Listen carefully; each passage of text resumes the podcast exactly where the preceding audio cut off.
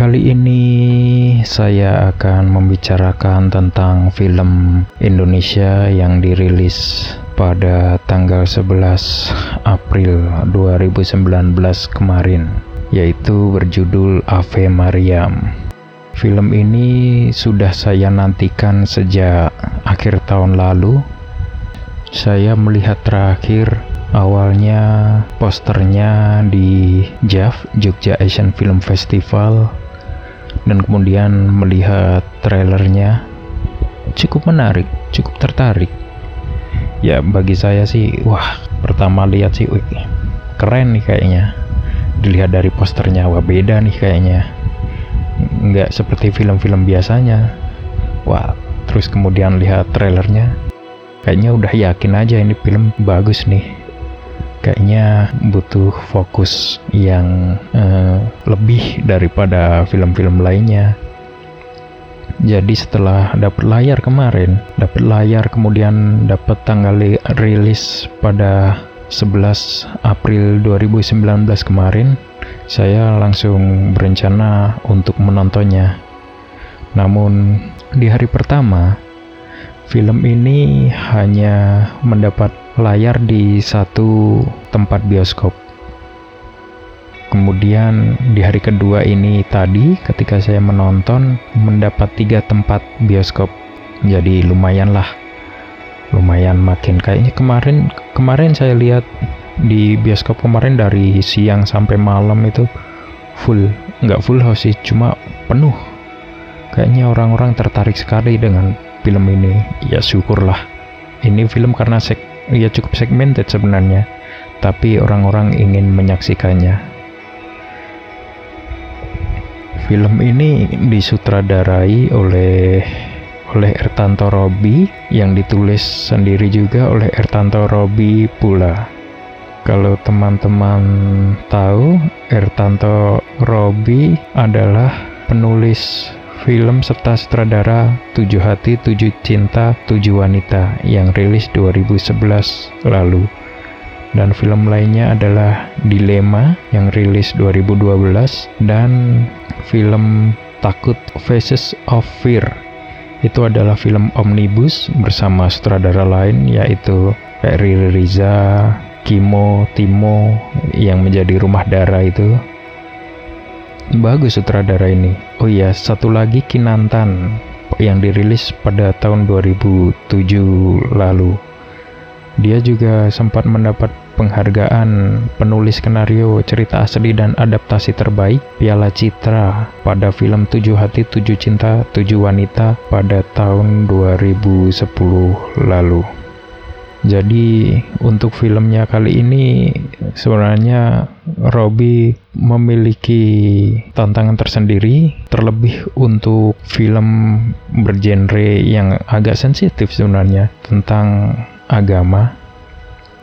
Jadi premisnya seorang suster yang menjalin kasih dengan seorang pastor yang mana mereka ingin melanjutkan kisah cinta mereka atau memohon pengampunan dan menjadi suster kembali dan pastor kembali meninggalkan hal-hal yang duniawi seperti itu. Jadi premisnya lumayan-lumayan seru apa yang akan mereka hadapi demikian. Jadi ceritanya seorang suster bernama Suster Maria yang diperankan oleh Maudi Kusnedi yang biasa kita kenal dengan Mpok Jainab dia merawat suster-suster yang sudah tua, suster-suster yang sudah sepuh di salah satu panti di daerah Ambarawa atau Semarang yaitu menjadi bagian untuk merawat suster-suster yang sudah tua lah yang sudah layak pensiun. Kemudian datanglah pastor ke tempat itu bernama Roma Yosef yang diperankan oleh Chico Jericho yang mana dulu pernah tinggal di tempat itu. Singkat cerita, eh, Pastor Yosef ini adalah ahli dalam bidang musik dan membuat orkestra di gereja setempat untuk pementasan gereja. Dan Suster Mariam sering sekali mengintip pastor atau Romo Romo Yosef ketika latihan di pagi hari. Sering mencuri-mencuri pandang lah. Hal itu membuat Pastor Yosef notice terhadap kehadiran Maryam yang mengintip-ngintip itu, lantas mengajak Maryam untuk berkencan. Beberapa kali kencan gagal, kemudian pada suatu waktu kencan itu berhasil. Setelah kencan berhasil, mereka makin dekat makin dekat dan pada ulang tahun ke-40 Suster Maryam, Yosef mengajak Maryam pergi untuk merayakan ulang tahun itu dan perayaan ulang tahun berupa ya perayaan orang dewasa lah. Sin-sin dewasa di pantai yang entah itu sin yang dipotong atau tidak atau memang seperti itu, saya kurang tahu. Kemudian sehabis itu Maryam merasa bersalah, merasa berdosa sekali. Kemudian Maryam bertobat, istilahnya seperti itu, memohon pengampunan dan tidak akan mengulanginya lagi dan berhenti menjalin cinta dengan Yosef. Ceritanya sendiri sih sebenarnya cukup unik cuy. Dari segi penulisan skrip atau plot ceritanya dibalut dengan sangat apik dan sangat fokus yaitu cerita tentang percintaan suster Maryam dan Yosef dan tidak ada subplot-subplot lain hanya berfokus pada mereka berdua.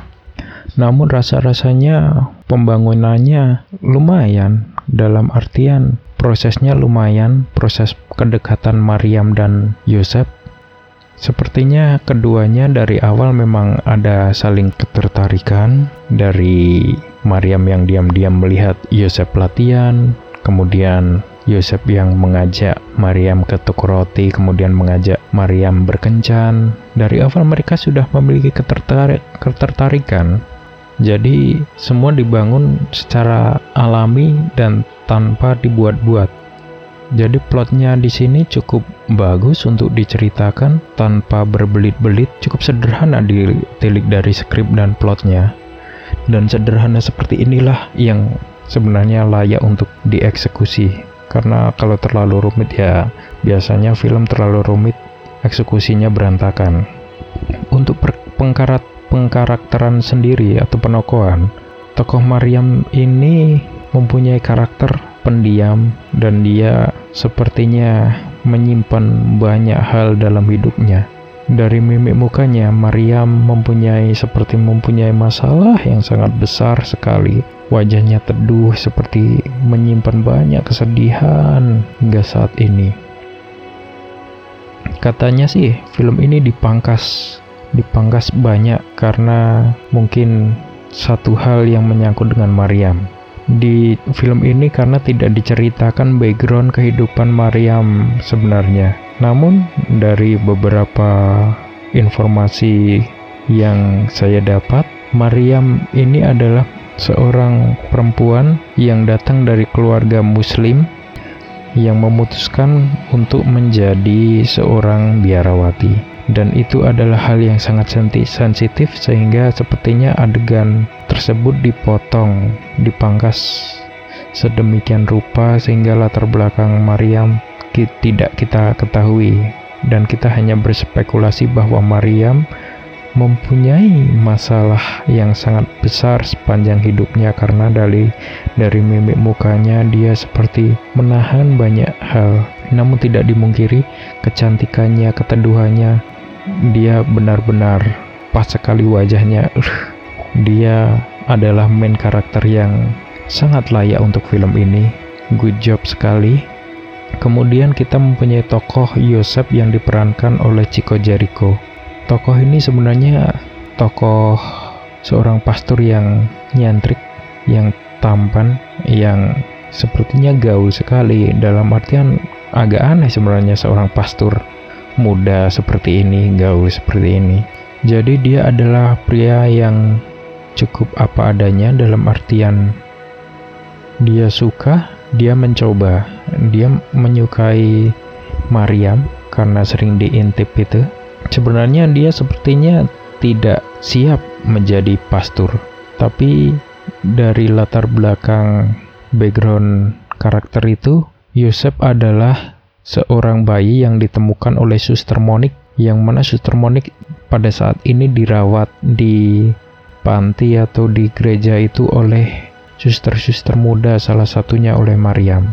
Jadi Yosef ini adalah bayi yang diasuh oleh suster Monik, kemudian karena hidup di biara, hidup di biara, kemudian dia berjanji, Yosef berjanji untuk menjadi seorang pastor dan mengabdi kepada Tuhan Yesus, mengabdi untuk menjadi pastor atau romo.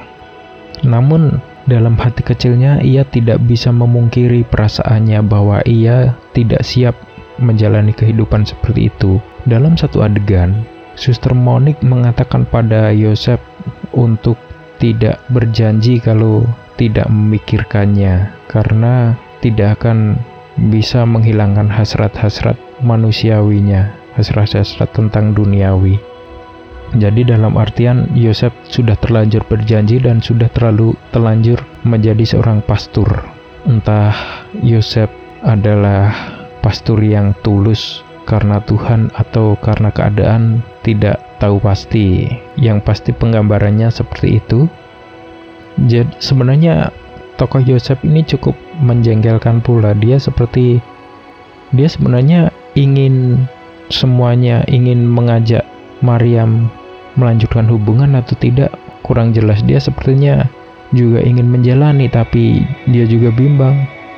Tapi dari personanya sejak awal harusnya dia baiknya. Dalam artian karakter sejak awal lugas mengajak Maryam kencan lah bla bla bla bla. Harusnya di akhir cerita dia lebih tegas untuk mengajak Maryam berkehidupan. Itu memang salah tapi dari karakter yang dibangun, karakter Yosef yang dibangun, layaknya Yosef adalah orang yang cukup berhasrat dan berambisi terkait duniawi tersebut. Kita lanjut ke pengkarakteran yang lain. Ada Suster Mila yang diperankan oleh Olga Lydia. Untuk hal ini Suster Mila cukup bagus sebagai pemeran pendukung. Apalagi dia tetap fokus kepada tugasnya ada lagi karakter Sister Monique. Sister Monique adalah karakter yang cukup pendiam, yang dirawat oleh Mariam, tapi tetap diam. Sister Monique ini yang dulu adalah merawat Yosef. Dengan kata lain, Sister Monique adalah ibu dari Yosef. Sister Monique sudah memberitahu kepada Yosef terkait hasrat orang hidup dan berjalan mempelajari hasrat. Kemudian ada satu hal ia menyampaikan kepada Maryam setelah Maryam pergi bersama Yosef yaitu jika surga sendiri tak pasti untukku kenapa aku harus mengurusi nerakamu? Seperti itu yang disampaikan Suster Monik cukup cukup menampar kita semua sebenarnya. Kemudian dari sinematografi dan pengadeganan cukup baik. Color gradingnya sangat menawan sekali yaitu kuning-kuning teduh kuning emas teduh dan pengadeganannya cukup bagus. Shot-shot yang shot-shot yang diambil. Beberapa yang menarik adalah one shot yang cukup panjang. Shot yang cukup panjang dan membuat kita sangat menikmatinya. Beberapa adegan diambil secara one shot Salah satunya adalah terkait Yosef yang sepertinya diadili oleh suster-suster yang diberi saran oleh suster-suster karena Maryam telah terguncang jiwanya setelah melakukan dosa bersama Yosef. Shot-shot panjang sebenarnya menarik, hanya saja satu shot panjang di kereta cukup mengganggu karena kamera lebih banyak goyang-goyang. Ketika kamera lebih banyak goyang-goyang, tone atau gradingnya pun juga kurang. Yang bias yang konsistennya kuning agak sejuk teduh tapi mempunyai warna yang sedikit berbeda. Hanya saja tidak mengganggu kualitas film pada utuh pada umum pada seutuhnya. Terkait penataan musik tersendiri cukup bagus seperti penataan musik di awal yaitu akapela, kemudian penataan musik organ organ organ gereja, kemudian piano ketika percintaan mereka di jalan. Terkait percintaan mereka, percintaan Yosef dan Maryam, denting piano, kemudian orkestra orkestra live dari kelompok gereja tersebut yang dipimpin oleh Yosef untuk segi musik scoring bagus sekali film ini. Pas untuk pengadeganannya. Jadi sem semua aspek film ini cukup bagus. Hanya saja ada beberapa hal yang buat saya agak mengganggu detailnya. Seperti Mariam ketika pergi ingin membeli buku kenapa menemukan buku atau majalah yang menceritakan tentang seorang biarawati yang menemukan bayi itu seperti kebetulan dan harga buku itu 32.000 32.000 sepertinya ini tahun yang dibangun adalah tahun film ini bersetting tahun 1998 tapi mereka menggunakan mobil. Mobil itu sepertinya mobil 70-an atau 80-an hal yang cukup ganjal janggal adalah 32.000 buku tersebut. Apakah bisa dikatakan murah? Saya kurang tahu dia seperti membeli buku di tukang loa kemudian menemukan cerita tentang suster dan Yosef itu itu seperti dibentuk secara sengaja dan agak aneh sebenarnya. Kemudian tokoh Yosef yang seperti inkonsisten, seperti kurang berani nendang, kalau melanggar melanggar sekalian lah. Udah mengajak wanita, ya sudah mengajak Maryam berbuat dosa, tidak seperti tanggung tanggung sekali. Scene yang scene yang Memang scene yang memorable atau yang paling bagus adalah scene terakhir ketika Maryam melakukan pengakuan dosa di depan di hadapan Yosef dan tertutup ruangan. Scene itu adalah scene yang paling baik mungkin dari scene lainnya. Dalam film ini Maudi Kosnedi memerankan tokoh Maryam dengan sangat bagus sekali mimik mukanya semua, gurat-guratnya, kesedihannya, Oh iya, ada adegan yang seru sekali ketika mereka berkencan. Mereka diam diam saling-saling diam tapi ada film di belakang mereka tentang percakapan laki-laki dan perempuan. Hal itu seperti mewakili pertemuan mereka. Jadi untuk plot plot bagus sederhana ditulis secara apik dan rapi bagus sekali. Kemudian pengadeganan. Pengadeganan juga cukup baik color grading pengadegan one one shotnya bagus sekali. Kemudian karakter-karakter yang dibangun pengkarakteran Mariam bagus sekali hanya saja latar belakang. Latar belakang ke karakter kurang dibangun mungkin karena dipotong durasi atau tidak tahu yang dipotong durasi itu mungkin di bagian Mariam datang dari keluarga muslim yang kabarnya datang dari keluarga muslim tapi dia memilih menjadi biarawati atau adegan vulgar mereka di pantai. Mungkin itu saya kurang tahu apa entah itu ada adegan adegan vulgar atau tidak saya kurang begitu tahu. Tapi tanpa adegan vulgar pun uh, semua yang ditampilkan dapat dinikmati meskipun secara implisit. Kemudian scoring musik disusun secara bagus sekali klasik-klasiknya scoring musik bagus sekali. Overall film ini layak sekali untuk ditonton dan disaksikan. Yang paling penting adalah jangan baper karena kehidupan di dunia ini nyata adanya. Ini hanya sebuah potret kecil dari dari kehidupan. Kadang kita terlalu menganggap potret kecil di kehidupan ini adalah sebuah pelecehan terhadap kehidupan itu sendiri terhadap Tuhan, terhadap apa pun. Padahal itu nyata adanya dan kita harusnya notice itu bukan hal tabu. Kita bisa menilai salah atau benar hanya saja kalau sesuatu itu terjadi, memang terjadi. Red film ini saya malah penasaran harusnya Red film ini 21 ke atas ya ya harusnya 21 ke atas dan film tanpa disensor tapi sayang sekali film disensor. Jadi overall film ini layak untuk ditonton. Good job sekali untuk Maudi Kusnedi untuk aktingnya yang luar biasa dengan mimik muka yang luar biasa dengan semuanya yang luar biasa dan Chico Jericho yang aktingnya keren. Hanya saja karakter yang diperankan kurang Iya sebagai pastor harusnya bijak sih. Mungkin dia masih bimbang apa menuruti sama-sama bimbang sebenarnya karakter Maryam dan dan karakter Maryam dan Yosef ini.